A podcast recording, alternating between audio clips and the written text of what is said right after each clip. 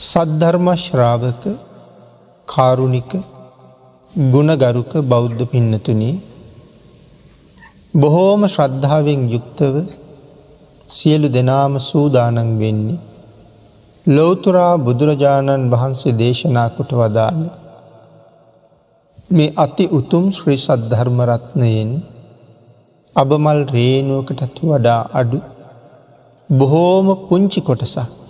දේශනා කරවගෙන ධර්ම ගෞරවය පෙරදැරි කරගෙන ඒ දේශනාගත ධර්මය ශ්‍රවණය කරලා මෙලව ජීවිතය යහපත් කරගෙන පරලෝ ජීවිතය සුගතිගාමී කරගෙන අවසන ප්‍රාර්ථනා කරන බෝධීෙන් අමාමහනිවනින් සැනසීම ලබා ගැනීම සඳහාද මේ පුුණ්‍ය ධර්මයන් හේතු වාසනාවේවා කියෙන ප්‍රාර්ථනාව ඇත්තුවයි. පිනතුනි භාගිතුන් වහස දේශනා කොට වදාලා එවන් උතුම් බලාපොරොත්තුවක් මුදුන් පත් කර ගැනීම වෙනුවෙන් යම් කෙනෙක් ධර්මශ්‍රවණය කරනවද. ඒ අය මහත් වූ බලාපොරොත්තු පෙරදැරි කරගෙන බනාහන එක වටිනව කියලා. ඒ පෙරදැරි කරගත යුතු මහත් වූ බලාපොරොත්තුව තමයි මේ ධර්ම දේශනාව ශ්‍රවණය කරන අතරතුරදීම මාගේ පංච නීවරණ ධර්මයන් යටපත් වේවා.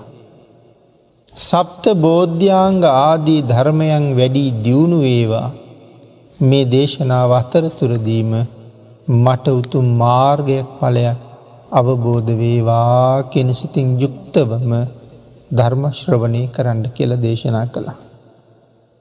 අපි ඒ ප්‍රාර්ථනාව බලාපොරොත්තුව හිතේ තියාගනම ධර්මශ්‍රවණය කරමු. පිනතුන අදත් ධර්ම දේශනාවේ මාතෘකාව වෙන්නේ මජ්්‍යම නිකායේ දක්කින විභංග සූත්‍ර අට්ට කතාව. මේ දක්කින විභංග සූත්‍ර අට්ට කතාව පැහැදිලි කෙරෙන එක ධර්ම දේශනාවක් මීට කලින් අපි දේශනා කරන්න සිදු කරන්න යෙදෙන. ඒ අට්ට කතාව ඇසුරු කරගත්ත දෙවනි ධර්ම දේශනාවයි අද සිදු කරන්න සූදානන් වෙන්න. දක්කින විභංග සූත්‍රය දායක පින්නතුන්ට බොහෝසේ ධර්ම දේශනාවල් වලින් අහල පුරුදු ඇති සූත්‍රය කියල හිතනවා. අපේ බුදුරජාණන් වහන්සේගේ සුළු මව මහා ප්‍රජාපති ගොත්තමින් වහන්සේ වස්ත්‍ර යුගලයක් බුදුරජාණන් වහන්සේට පූජා කරන්න එළඹුණ තැන. ඒ කාරණාව නිමිති කරගෙන තමයි මේ සූත්‍ර දේශනාව සිදු කරන්න යෙදෙන. එමන අපි මතක් කලා එක දේශනාවක් අපි කලින් සිදු කලා කියලා. බුදුරජාණන් වහන්සේට මේ වස්ත්‍ර යුගලය සකස් කරගෙන සුවඳ කරඩුවක බහල වස්ත්‍ර සුවඳවත් කරලා අරගෙන ගිහිල්ල පූජා කරහම අපේ බුදුරජාණන් වහන්සේ ඒ වස්ත්‍ර යුගලය මහා සංඝයට පූජා කරන්න කියල කීවා.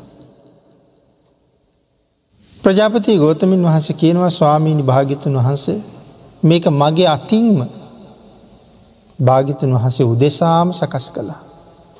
මට අනුකම්පාවෙන් පිළිගණ්ඩ කියලා. ඒ වෙලාවෙත් භාගිතුන් වහස දේශනා කළේ ගෝතමී සංඝයට පූජා කරන්න කියලා.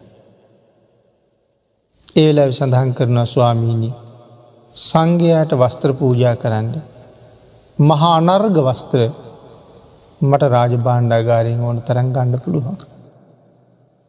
නමුත් ඒ කිසිම වටින වස්ත්‍රයක් මාව සතුටු කළේ නෑ භාග්‍යතුන් වහන්සේට පූජා කිරීම වෙනුවෙන්.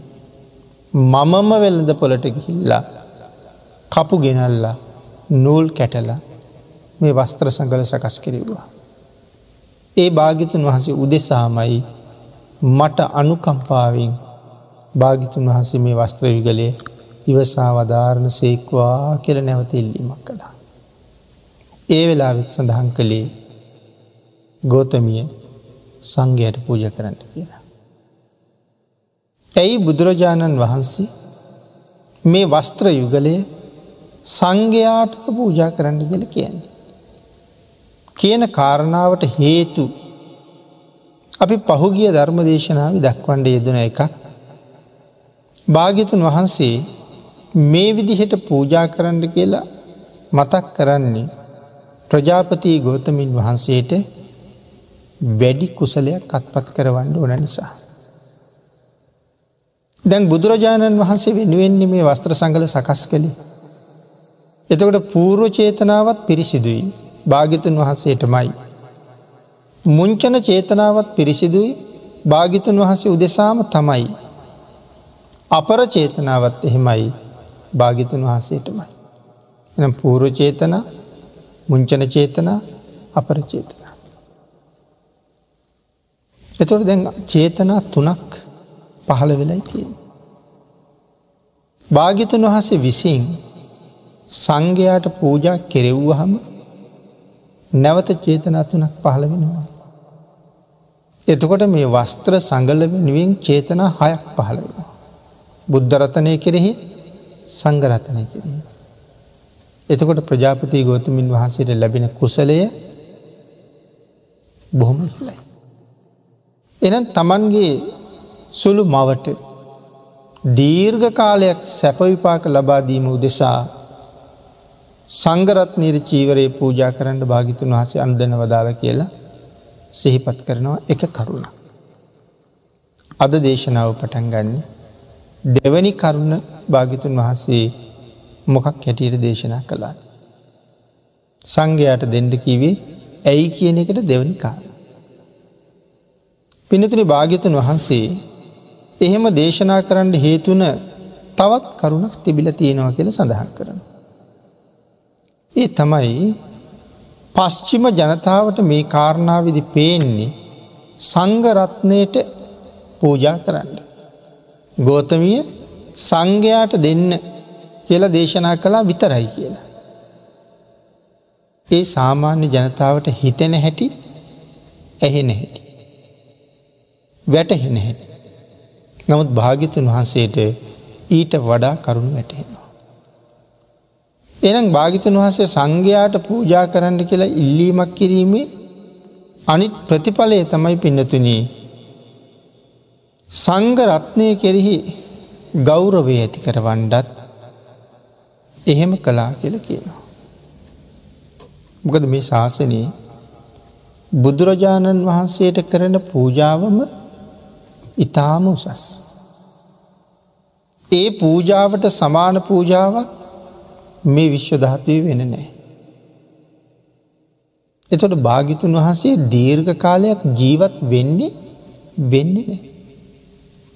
කෙටි කාලය ඉන බුද්ධ කාලයේ. එති මේ කාලෙ මිනිස්සු උත්සාහ කරනවා බුදුරජාණන් වහන්සේටම පූජ කරගන්නට. එතොට භාගිතුන් වහසේ නැති කාලෙක මිනිස්සු හිතයි දැන් පූජාවක් කරන්න කෙනෙක් නෑ. ඒ නිසා පූජා කරන්න අවශ්‍යන එල මිනිසු කල්පනා කරයි. මම කෙටි කාලයේ ජීවත්වයන්නේ. නමුත් මේ ශාසනය අවුරුදු පන්දාහක්කල් දීර්ගව පවතින්ඩුවනේ. එතොට කවුරු මතද මේ ශාසනය පවතින්නේ.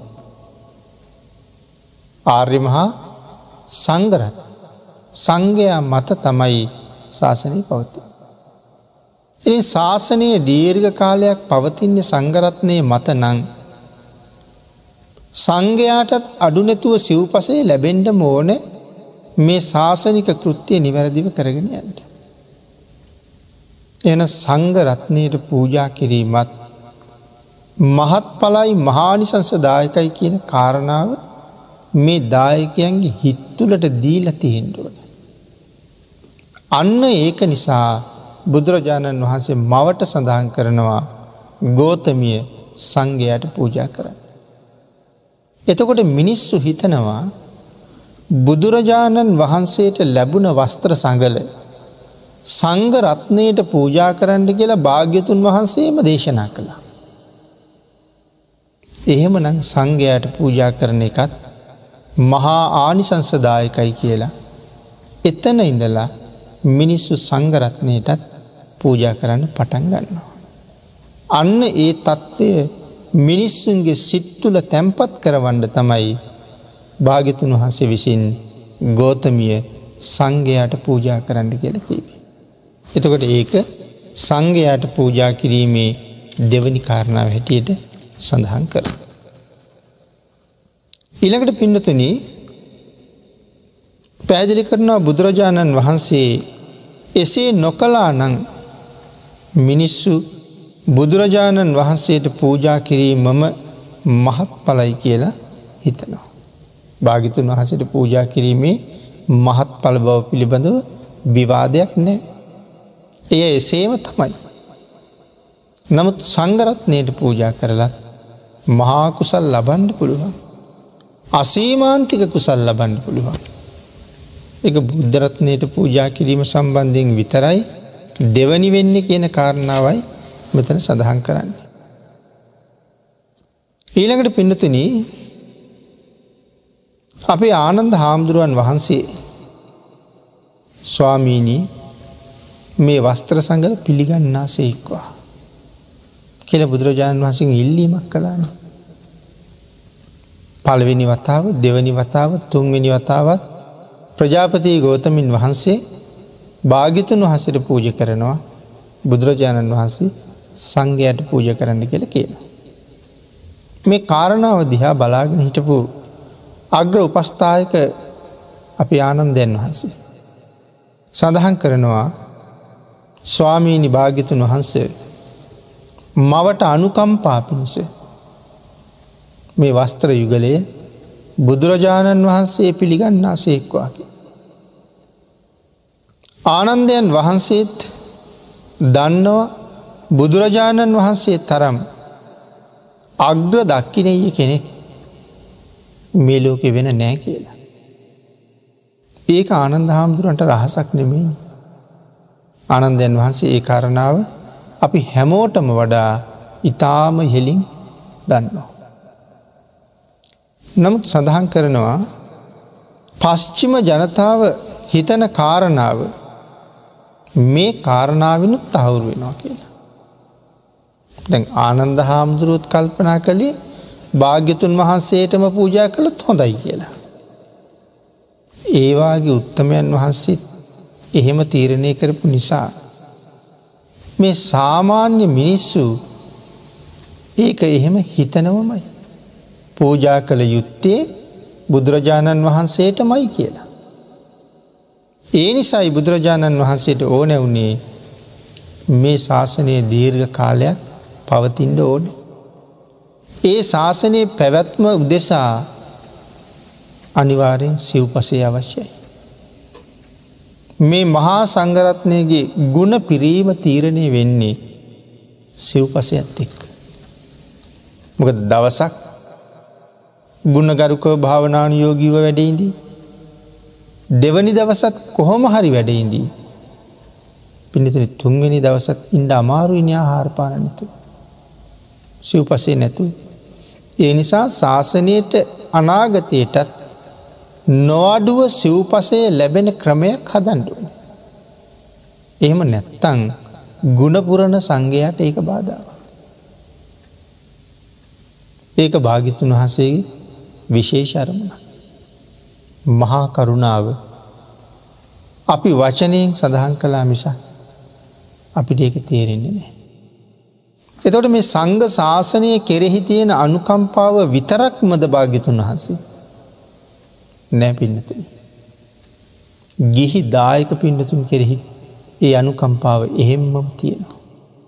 හේතුව ගුණ පුරණ සංගරත්නය ශාසනය තුළ වැඩි වැඩියෙන් වැඩයින්ඩ වැඩයින්ඩ සිව්පසේ පිළිගන්නවන දායක කාරකාදීන්ට ලැබෙන ආනිසන්සේ සීමාවක් නැතුවෙන. එනිසා අපි දෙගොල්ලම ගැන මහ කරුණාවෙන් භාගිතුන් වහසේ බලලම ගත්ත තීරණය. ඊළඟට දේශනා කළා එම කාරණාවෙන් අදහසක් මුදුම් පත්වෙනවා. මොන කාරණාවෙන්ද ශාසනයේ පැවැත්ම උදෙසා. භාගිතුන් වහසේ මේ විදිහට කරුණු කාරණ සම්පූර්ණ කරලා තියහම. ආනන්ද මහතෙරුන් වහන්සේටත් අවශ්‍ය ප්‍රජාපති ගෝතමින් වහන්සේට අති මහත් වූ ආනිසංසයක් ලබල දෙන්නමයි. නමුත් භාගිතුන් වහන්සේ විශේෂයෙන් මෙතනදී සිහිපත් කරනවා සංඝයාටම පූජා කරන්න කියලා. පිනත ඊළඟට සඳහන් කරනවා මහා ආනන්දයන් වහන්සේ භාගිතන් වහසට තව කරුණ මතක් කරනවා. ස්වාමීණී මේ භාගිතුන් වහන්සේගේ අම්මා මේ ජීවර සඟල සකස් කරලා තියෙන භාගිතුන් වහන්සේට පූජා කිරීම උදෙසාම තමයි. මේ මවගෙන් භාග්‍යතුන් වහන්සේට ගෙදර ඉන්න කාලි. එකැනි සිද්ධාර්ථ කුමාරයයි. මහා යහපතක් සිද්ධ වුණා. හැබැයි මවගෙන් බෝසතාණන් වහන්සේට යහපතක් වුණා විතරක් නෙමෙයි ඊට වඩාලොකු යහපතක් බුදුරජාණන් වහන්සේගෙන් තමන්ගේ මවට සිද්ධ. ඒ කාරණාව ආනන්දයන් වහන්සේ සිහිපත් කරනවා තව ඉස්සරහට ඒ පිළිබඳව විශේෂ විස්තරයකුත් සඳහන් කරන්න පුළුවන්. මෙතන සඳහන් කරනවා අට්ටකතාව මෙහෙමත් පැහැදිලි කරනවා කියලා විතන්ඩවාදීන් එහෙම අදහසක් ඉදිරිපත් කරනවා. විතන්ඩවාදීන් කොහොම අදහසක්ද ඉදිරිපත් කරන්න කියල සඳහන් කරනවා. භාග්‍යතුන් වහන්සේට දෙන දානයම මහත් පල වෙන බව දකිමින්ම තමයි පිළිගන්නා සේක්වා කියල කියන්නේ. අනන්දයන් වහන්සේ එහෙම සඳහන් කරහම විතන්ඩවාදීන් හිතනවලු සංගරත්නයට දුන්නහම මටත් පූජා කලා වෙනවා. ද භාගිතන් වහසේ දේශනා කරානි ගෝතමිය සංඝයට දෙන්න කියලා. විතන්ඩවාදීන් කියල පිකැනි පිඩතන දුර්මතධාරීන්. වැරදි අදහස් දරන අය හිතනවලු සංගරත්නයට පූජා කරහම මටත් පූජා කලා වෙනවා කියල භාගිතුන් වහස දේශනා කරනවා කියල. ඒක නිසා මෙතන සඳහන් කරනවා සංඝයාටත් පූජා කලා වෙනවා මටත් පූජා කලා වෙනවා. එම වචනය අනුව බුදුරජාණන් වහන්සේ සංගරත්නයට අයිති භාගිතුන් වහන්සේ එහෙම සඳහන් කරහම විතන්ඩවාදී ඉන්තනවල එහෙනම් බුදුරජාණන් වහන්සේත් සංගරත්නයට අයිතිය කියලා. නමුත් බුදුරජාණන් වහන්සේ සංගරත්නයට අයිතිීද භාගිතුන් වහ සංගරත්නයට අයිති නෑ. භාගිතුන් වහන්සේත් සංගරත්නයට අයිති නං බුද්ධන් සරණං ගච්ඡාමි කියල කියන්න ඕන්නේ. ඒනම් මේ ශාසනය තිසරණයක් තියෙන්ට විදිහක් විදිහක් නෑ සරණ දෙකයි එතකොට තියෙන්ඩුව. එතකොට එහෙම හිතන්නේ කවුද අන්‍ය මතදහරී. විතන්ඩවාදීන් කෙල කියන්නේ ඒයයි. පිනතන එහෙම කියන දුර්මතධාරීන් ගෙන් මෙන්න මෙහෙම අහන්ඩ කියල කියනවා. තැන් දුර්මතධාරීන් කියනනි භාගිතුන් වහසත් එන සංග්‍රතනය රයිතිය කියල.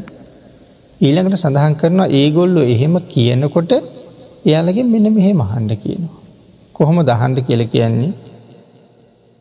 දන්නවද තොප සරණ කීයක් තියෙනවද කියලා. ඒගොල්ලන්ගෙන් අහන්ඩලු උඹල දන්නවද මේ ශාසනයේ සරණ කීයක් තියෙනවද කියලා.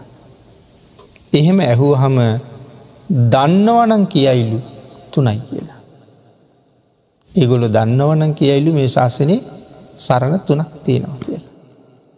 එතකොට ඔවුන්ට කියන්න කියල සඳහන් කරනවා නුඹ මේ කියන වචනයෙන් භාග්‍යතුන් වහන්සේ සංගරත්නයට ඇතුල් වෙනව නම් සංඝයටත් දුන්න භාගිතුන් වහසටත් දුන්න. එඳ භාගිතුන් වහසත් සංගරත්නයට අයිති කෙළ කිය හම භාගිතුන් වහස සංගරත්නයට අයිති වෙනව නම් සඳහන් කරනවා තියෙන්න ඕනේ සරණ දෙකයි නේද කියලා. බුද්ධරතනයත් සංගරත්නයට අයිතින්න සරණ දෙකයි තියෙන්ඩුව. එය එහෙම වෙනව නං සඳහන් කරනවා විතන්ඩවාදීගෙන් අහන්ඩ කියලා බුදුරජාණන් වහන්සේ මෙහෙම දේශනා කරන්න ඕනෙ නෑ නේද කියලා. සරණ තුනක් තියෙනවා කියලා දේශනා කරන්න ඕනෙ නෑ නේද කියලා හන්ඩුලු. කොහොමද සඳහන් කරනවා ඒවන් සන්තේචේච අනුජානාමි භික්කවේ ඉමේහි තීහි සරනාගමනයහි පබ්බජ්ජං උප සම්පදති. භාගිතුන් වහන්සේත් සංගරත්නයට අයිතින මේ දේශනාව කරන්න ඕන්නෑ නේද. මොකක්ද දේශනාව මහනෙන මේ ශාසනයේ තිසරණ ගමනේ පැවිද්ද සහ උපසම්පදාව පිහිටනවා. පබ්බජ්ජන් උපසම්පදන්ති. තිසරණෙහි පිහිටීමෙන්ම පැවිද්ද උපසම්පදාවත් ලැබෙනව කියලා. බුදුරජාණන් වහන්සේ සංගරත්නයට අයිති වෙනව නම් තිසරණය නිසා ලැබෙනවා කියලා දේශනා කළ පැවිද්ධ හා උපසම්පදාව ලැබෙන්නේ ඇයි සංගරත්නයට අයිතිවුණුත් සරණ දෙකයින. නමුත් මෙතන දේශනා කරනවා තිසරණය නිසා පැවිද්දයි උපසම්පදාව ලැබෙනවා කියලා. ඔවුන්ට චෝදනා කරන්න කියල කියනවා. කාටද විතන්ට වද.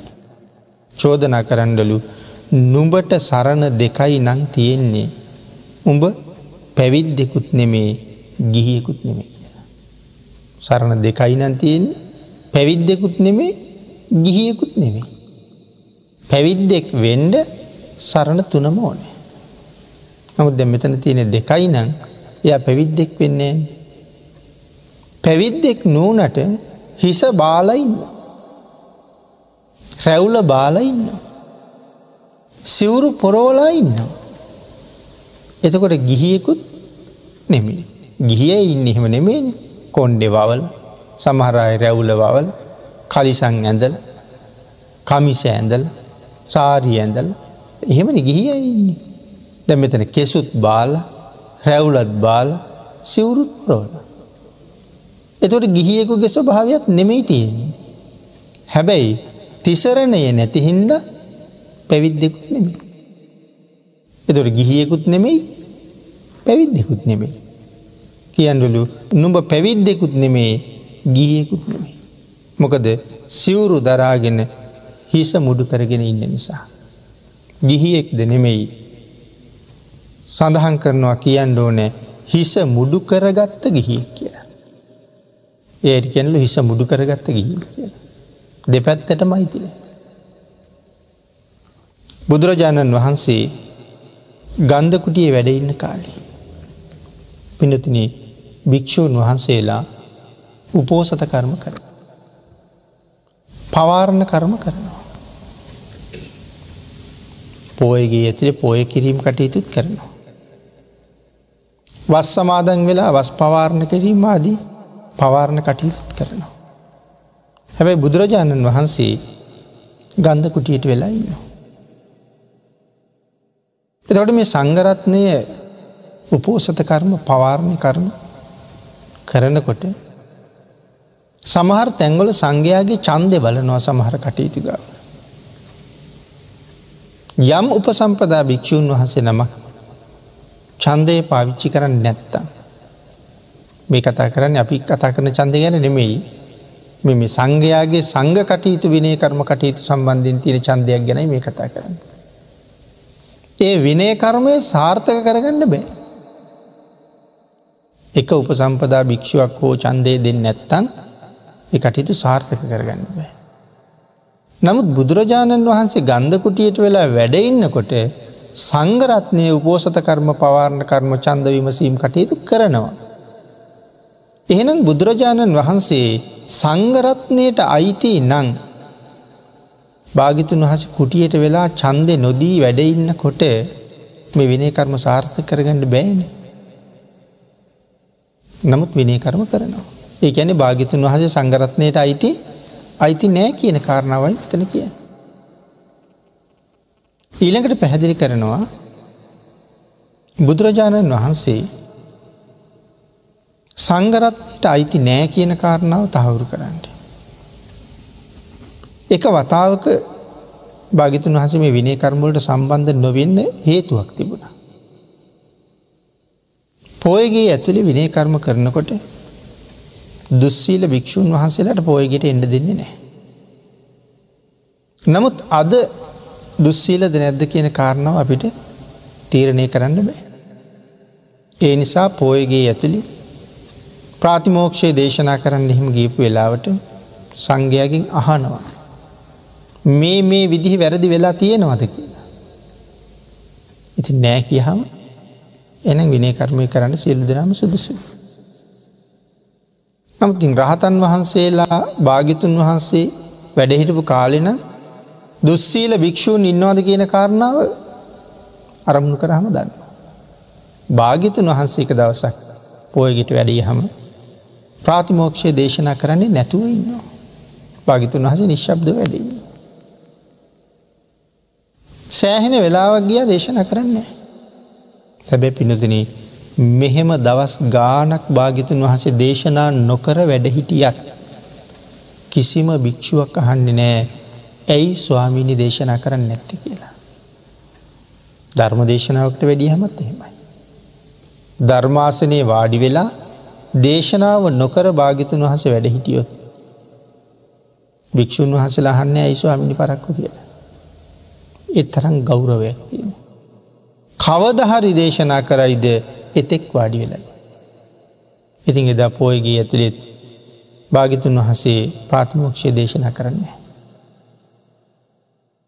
සෑහෙන වෙලාවක් බලාගෙන හිටියනෑ. මහමුගලන් මහරහතන් වහන්සේ අරමුණු කරලා බැලුවා ඇයි ප්‍රාතිමෝක්ෂය දේශනා කරන්න නැත්ති කියලා. භික්‍ෂු සංඝයා අතර ඉන්නවා අපිරිසිදු භික්ෂුවක්. මහමුගලන් මහරහතන් වහසේ නැගිට්ට එ දුස්සීල භික්ෂුවලකට ගිය. ගිහිල කිව්වා ඔබ නැගිටලා පෝයගෙන් එලිටයන්. එහෙම කීපවතාවක් මතක් කළා. අවස්ථාවත් දෙක මතක් කළා. නැගිටින්නෙත් නෑ. ආං ඊට පස මහමුගලන් මහරහතන් වහන්සේ ඒ භික්‍ෂුවගේ අතින් අල්ලලා නැගිට්ටෝල පෝයගෙන් එලියරගෙන් හිල්ල දොරවහන. එදා භාග්‍යතුන් වහස දේශනා කලා මහනෙන තතාගතයන් වහන්සේ අදින් පස්සේ කවදාවත් පෝයගෙටින් නැකි. එදාගින් පස්සේ භික්‍ෂු සංඝයා පිරිසිදුම සංඝයා රැස් වනත් භාගිතුන් වහස වඩින්නේ නෑ. භාගිතුන් වහස කුටිය වැඩීම. සංඝයා රැස් වෙලා සංඝකර්ම කරනවා. එකට භාගිතුන් වහසගේ චන්දය අවශ්‍ය අවශ්‍ය නෑ. අවශ්‍ය නැත්තේ භාගිතුන් වහස සංගරත්නයට අයිති අයිති නෑ. එතොට මේ සංඝයාගේ චන්දය අවශ්‍යමයි මේ කාරණාවලදී කියන කාරණාව තහවුරු කරන්න තව කරුණු ගොඩක් තියෙන. පිනතින අපි අනුරාධපුර යුගය ගැන කතා කරනකොට මහසෙන් රජ්ජුරු මහා විහාර විනාස කලානි. මොකද මහායානික භික්‍ෂූන් වහසෙනවක් සංග මිත්‍ර කියලා. මේ රටේ බුද්ධාගම විනාස කරන්න සෑහෙන්ට කටයුතු කළ. මහායානික මත මේ රට තුළ පතුරුවන්න කටයුතු කළා. දකුණු ඉන්දියාවෙන් ඇවිල්ල. රට තුළ මහායානය ප්‍රචලිත කරන්න නං ඉස්සරනව අල්ල ගණ්ඩුවන් රජ්ජුරු රජ්ජුරුවන්ට එනි කරන්න පුළුවන්. ඒ නිසා ඒ කාලේ මහසෙන් කුමාරයයි ගෙට්ට තිස්ස කුමාරයයි අයියයි මල්ලි.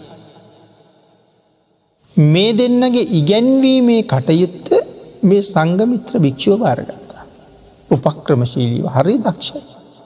ඉතාම දක්ෂයි ඒ නිසා රජ්ජුරුවන්ගෙන් අවසර ගත්ත පුතාල දෙන්නට උගන්නන්ට.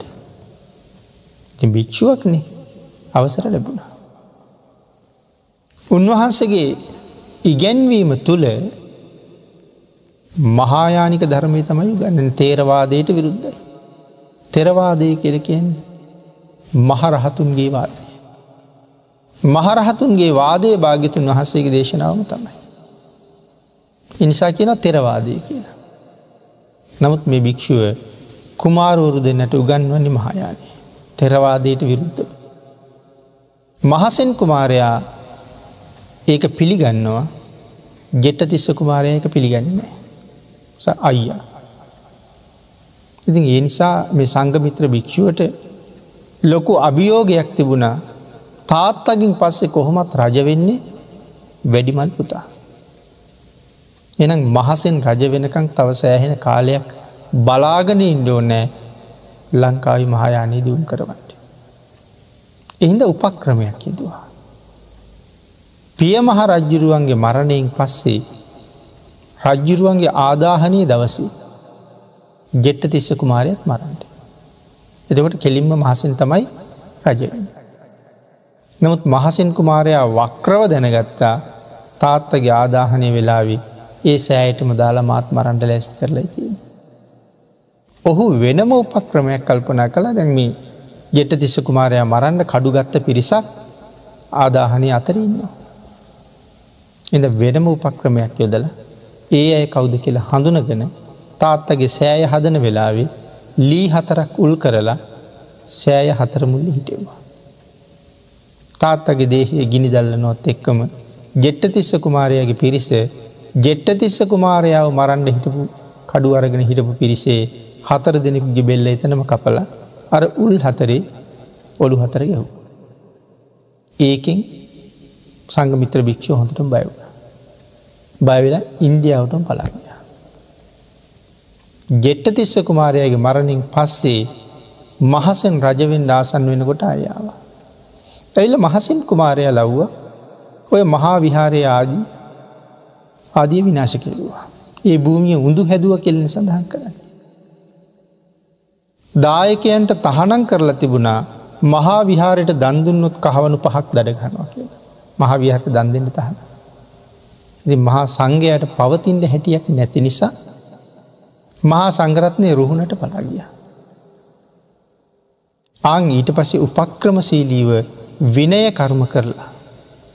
සංඝයාට පවරලා තිබිච්ච බිම මහමෙවුනා උයන මේදු මහරහතන් වහන්සේ ශාසනයට පවරලා තිබ බිම්. ඒ මහමෙවුනා උයනි මායින් වෙනස් කරන්න. සංඝයාගේ අවසරයක් වන සංඝයා විසින් විනේ කර්ම කරලා තීරණය කරලා තින බිමනි එද සංඝයාගේ අවසරයක් ඕන මේ මයින් වෙනස් කරන්න. ඉතින් එක උපසම්පදා භික්ෂුවක් හරි එකට චන්දය දෙන්නේ නැත්තං මයින් වෙනස් කරන්න එක කරන්න බෑ. අන්න ඒක නිසා ඒ කාලි රහතන් වහන්සේලා මහපොලෝ යට උමං හාරවල. ඒ උමං ඇතුළට වෙලා සැඟවිලා හිටිය කියල සඳහන් කරනවා මේකට චන්දය නොදීන්ට. එහෙම චන්දය නොදී ඉන්න නිසා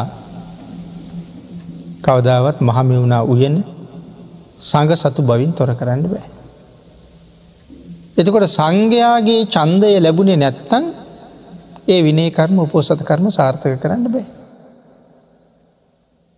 නමුත් භාග්‍යතුන් වහන්සේගේ චන්දය නොදී භාගිතුන් වහන්සේ සුගන්ධ කුටිය ඇතුළටල වැඩ හිටියට සංඝකර්ම පෝසත කර්ම කරන්න පුළුවන් වෙන්නේ ඇයි බුදුරජාණන් වහන්සේ සංගරත්නයට අයිති අයිති නෑ. එනම් විතන්ඩවාදීන්ගේ මතේ එතනින්ම බිඳලදාන්න පුළුවන් මේවාගේ ප්‍රශ්න අහලා විතන්ඩවාදීන් දුරුවල කරන්න කියලා කියනවා. ඊළඟට පිනතින තවත් පැහැදිලි කරනවා අට්ට කතාවේ තුන්සිය හැත්තය හත්තිනි චේදේ මහා ප්‍රජාපති ගෝතමින් වහන්සේ භාග්‍යතුන් වහන්සේගේ අතපය ලොකු මහත් කළා පෝෂණය කළා දිනකට දෙතුන් වතාවක් ආහාර පානාදීන් බෝසතන් වහන්සේට සංග්‍රහ කළා. අම්මා. ප්‍රජාපති ගෝතමින් වහන්සේට පුතෙක් හිටිය. ගෝතමින් වහන්සේගේ පුතා නන්දකුමාරය. ති නන්දකුමාරය පිළිබඳවත් මේ ශාසනය බොහෝ කරුණු සඳහන් කරන්න තියෙනවා. අපේ ශාසනය පින්නතන ලොවතුරා භාග්‍යතුන් වහන්සේ කවදාවත් දැකල නැති කෙනෙකුට. බුදුරජාණන් වහන්සේ දැක්කත් ලේසින් අදුරන්න බැරුවයනවා. එනම් භාගිතුන් වහන්සේ හඳුනගණ්ඩ තින හොඳම ක්‍රමයමකක්ද. භාගිතුන් වහසේ දේශනා කොට වදාළ ධර්මය හඳුනගන්න එක.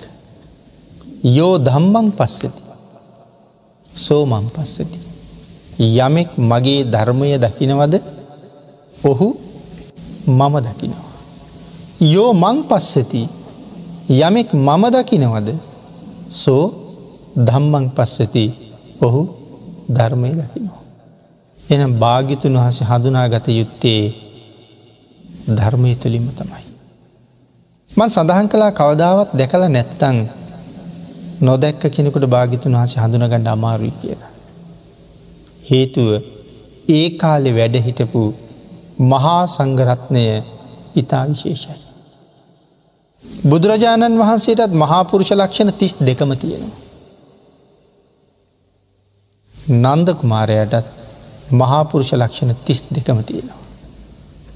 මහාපුරුෂ ලක්ෂණ තිස් දෙකම තිබිච්ච තවත් භික්‍ෂූන් වහන්සේ නමක් අපේ බුද්ධ ශාසනන්නවා. අපි පිනතුන් දන්නවද ඒ තමයි බෝසතාණන් වහන්සේගේම පුතා රාහුලි කුමාරය. මහාපුරුෂ ලක්ෂණ තිස් දෙකම තියෙනවා. බෝසතාණන් වහන්සේත් ගිහි ගෙදර හිටියනං සක්විති රජෙක් නන්ද කුමාරයත් සක්විති රජ. රාහුල කුමාරයත් සක්විති රජ. සක්විති රජවෙන්ඩ අවශ්‍ය සුදුසු කන්ටික තියෙනවා. එහෙමනං නන්ද හාමුදුරු පස පැවිදින නන්ද කුමාරයත්. දැක්කහම කෙනෙක් හිතන්ඩ පුළුවන් මේද බුදුරජාණන් වහස කියලා. එ තරම්ම ලස්සනයි. මහාපුරුෂ ලක්ෂණ තිස් දෙකම තියෙන. ලක්ෂණ නොවෙන්ඩ බෑනි පිඩතන එකම තාත්තගේ පුත්තු දෙන්නන. සිද්ධාර්ථ කුමාරයගේ තාත්තත් නන්ද කුමාරයගේ තාත්තත් එක්කෙ නාමයි. අනිත් එක අක්කගේ නංගිගේ දරු. ඉතින් එහෙනගේ ලස්සන නෑවෙන්ඩ බෑ. සාමාන්‍ය අපි විතරක් නෙමෙයි නන්ද මහරහතන් වහන්සේට භික්‍ෂූන් වහන්සේලත් රැවටිලා තියෙනවා. ඈතින් වඩිනකොට භාගිතුන් වහසද වඩින්න කියලා. මොකද භාගිතුන් වහසට වඩා අඟල් හතරයි මිටි කියල සඳහන් කර. එහින්ද දුරදී හොයන්ඩ බෑ. භික්‍ෂූන් වහසල චෝදනා කරලත්තිය. නන්ද ශික්ෂාපදය කියල වෙනම ශික්ෂාපදයකුත්තිය. ඇයි භික්‍ෂූන් වහසල චෝදනා කලා සුගත චීවරයට සමාන චීවරයක් පොරවන්න එපා කියලා. ඒ රැවටෙනවා හාමුදුරුවරු. ඉතින් නිතරම එකට ඉන්න ශාසනයේ ඒ භික්‍ෂූන් වහන්සේලත් රැවටුනා නං පිනතුන අපි කොහොමද කෙලින්ම භාගිතුන් වහස දැකල නැතුව නන්ද හාමුදුරුව දැක්කොත් අපි රැවටෙන එකක් නැත්. රාහුල මහරහතන් වහස දැක්කොත් අපි රැවටෙන් නැතිවීද. එන්න භාගිතුන් වහස හඳුන ගණඩ තියෙන හොඳම ක්‍රමේ හොඳම ක්‍රමේ තමයි භාගිතුන් වහසගේ ධර්මය දකින. එමනම් මේ ප්‍රජාපති ගෝතමින් වහන්සේ ගේම පුතා කවුද නන්දකුමාරය. මහා බෝසතණන් වහන්සේ පිළිබඳව මොන්න තරං ලෙංගතුකමක් තිබ්බද. මහාමායා දේවින් වහන්සේ නැතිවුණට පස්සේ. තමන් ගේම පුතා කිරිමව්වරුන්ට භාරදීලා. ඒ පුතාගේ අම්මා බෝසතාණන් වහන්සේට අම්ම. නන්ද කුමාරයා වෙනුවෙන් එරුණ කිරි සිද්ධාර්ථ කුමාරයටයි පිරි. තමන්ගෙම පුතාට කිරිමව්වරු කිරි දෙනවා. තමන්ගෙම පුතා වෙනුවෙන් එරුණ කිරි ප්‍රජාපති ගෝතමින් වහස පොවන්නේ සිද්ධාර්ථ කුමාරයට. ඒත් තරං ලෙංගතුකමක් තිබවා. ඉතින් එතකොට ඒ තරම්ම ලෙංගතුකමක් තිබ්බා. දවසකට දෙතුම් පාර නෑව්වා. දෙතුම් පාර කවල පෝෂණය කළා. මුලින් සඳහන් කළා යටත් පිරිසෙන් අවුරුදු විසි නමයක් තිස්සේ කෙසෙල් ගෙඩියක් පවා සිද්ධාර්ථ කුමාරයට දුන්න නං ඒ මගේ අතින්ම තමා කියලා. ඒ නිසා මගේ අතින්ම වස්ත්‍ර සඟලයක් හදලා බුදුරජාණන් වහසට පූජා කරන්න වුවමනයි ඒකන රාජබාණ්ඩාගාරී අච්චර වටින වස්ත්‍ර තියෙනකොට ඒව ගත්ත නැත්ති. ගෝතමිය සංඝයාට දෙන්න කියනකොට දෙවනිවතාව සඳහන් කළේ ස්වාමී සංඝයාට දෙන්ඩ මහා අනර්ග වස්තු ඕන තරං බාණ්ඩාගාරි තියෙනවා. නමුත් ඒ අනර්ග වස්තු එකක්වත් මාව සතුටු කරන්නේ නෑ. ආංගේ නිසා වෙළඳ පොලට ගිහිල්ලා කපු ගෙනල්ල නූල් කැටලා මගේ අතිංම මේ වස්ත්‍ර සකස් කළේ භාගිතන් වහසිට පූජ කරන්නට. මගේ අතිම්ම සකස් කරපයක පූජ කරන එක මට සතුටක් නමුත් ගබඩා විතින අනර්ග වස්තු මාව සතුටු කරන්නේ නෑ. අනර්ග වස්ත්‍ර මාව සතුටු කරන්නේ. ඒ නිසා මේක පිළිගන්න කෙලෙන කියන්නේ. එතකොට ආනන්ද හාමුදුරුවොත් මේ කාරණාටික මතක් කරනවා. ස්වාමීණි මෙ ඔබහන්සගේ අම්මා.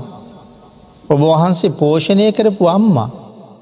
තමන්ගේ අතිම්ම වස්ත්‍ර සඟලයක් හදාගෙන විල්ල තියෙන භාගිතුන් වහසේ උදෙසාමයි ස්වාමීණී. භාගිතුන් හසමික පිළිගන්නා සේක්වා. කෙනඉල්ලීම කරන. පිනතින ධර්ම දේශනවර්තින කාලයේ නිමා වෙලා නිසා. දක්කින විභංග සූත්‍ර අට්ට කතාව ඇසුරු කරගෙන කරන මේ දේශනා මාලාවි දෙවනි ධර්ම දේශනාව අපි මේ විදිහට නිමා කරමු. සූත්‍රයට වඩා ටිකක් ගැඹුරු කාරණා අන්තර්ගත වෙන්න පුළුවන් අට්ට කතාව විස්තර කෙරෙන නිසා. නමුත් මේ අට්ට කතාවි තියෙන විස්තරේ මනාව දැනගත්තහම මේ ශාසනයේ දානය නං මොන තරම් මහත් පලද. දානය අවශ්‍ය නෑ කියල කියන අයට හොඳ උත්තරය මෙතන තියෙනවා වගේම මේ සම්මාධිට්ටික ජීවිතයේ භයානක සංසාරි සූපත් කරගණ්ඩ දානය කොයි විදිහට පූජා කළ යුතුද. දානය කොහොම පොතෙන්ට පූජා කරහම මහත්ඵලද කියන කාරණාව මනාව දැනගෙන සැදහැවත් ශ්‍රාවකයන්ට ජීවිතයට හොඳ සාධාරණයක් කරගණ්ඩ පුළුවන් අපූරු ධර්මකාරණාවක් තමයි මේ අට්ට කතාව පැහැදිලි කරන්න. එම තවත් මෙවන් උතුම් ධර්මකාරණා කීපයක් තුන්වැනි දේශනාවෙන් දේශනා කිරීමේ බලාපොරොත්තු ඇතු දැනට අපි ධර්ම දේශනාව නිමා කරමු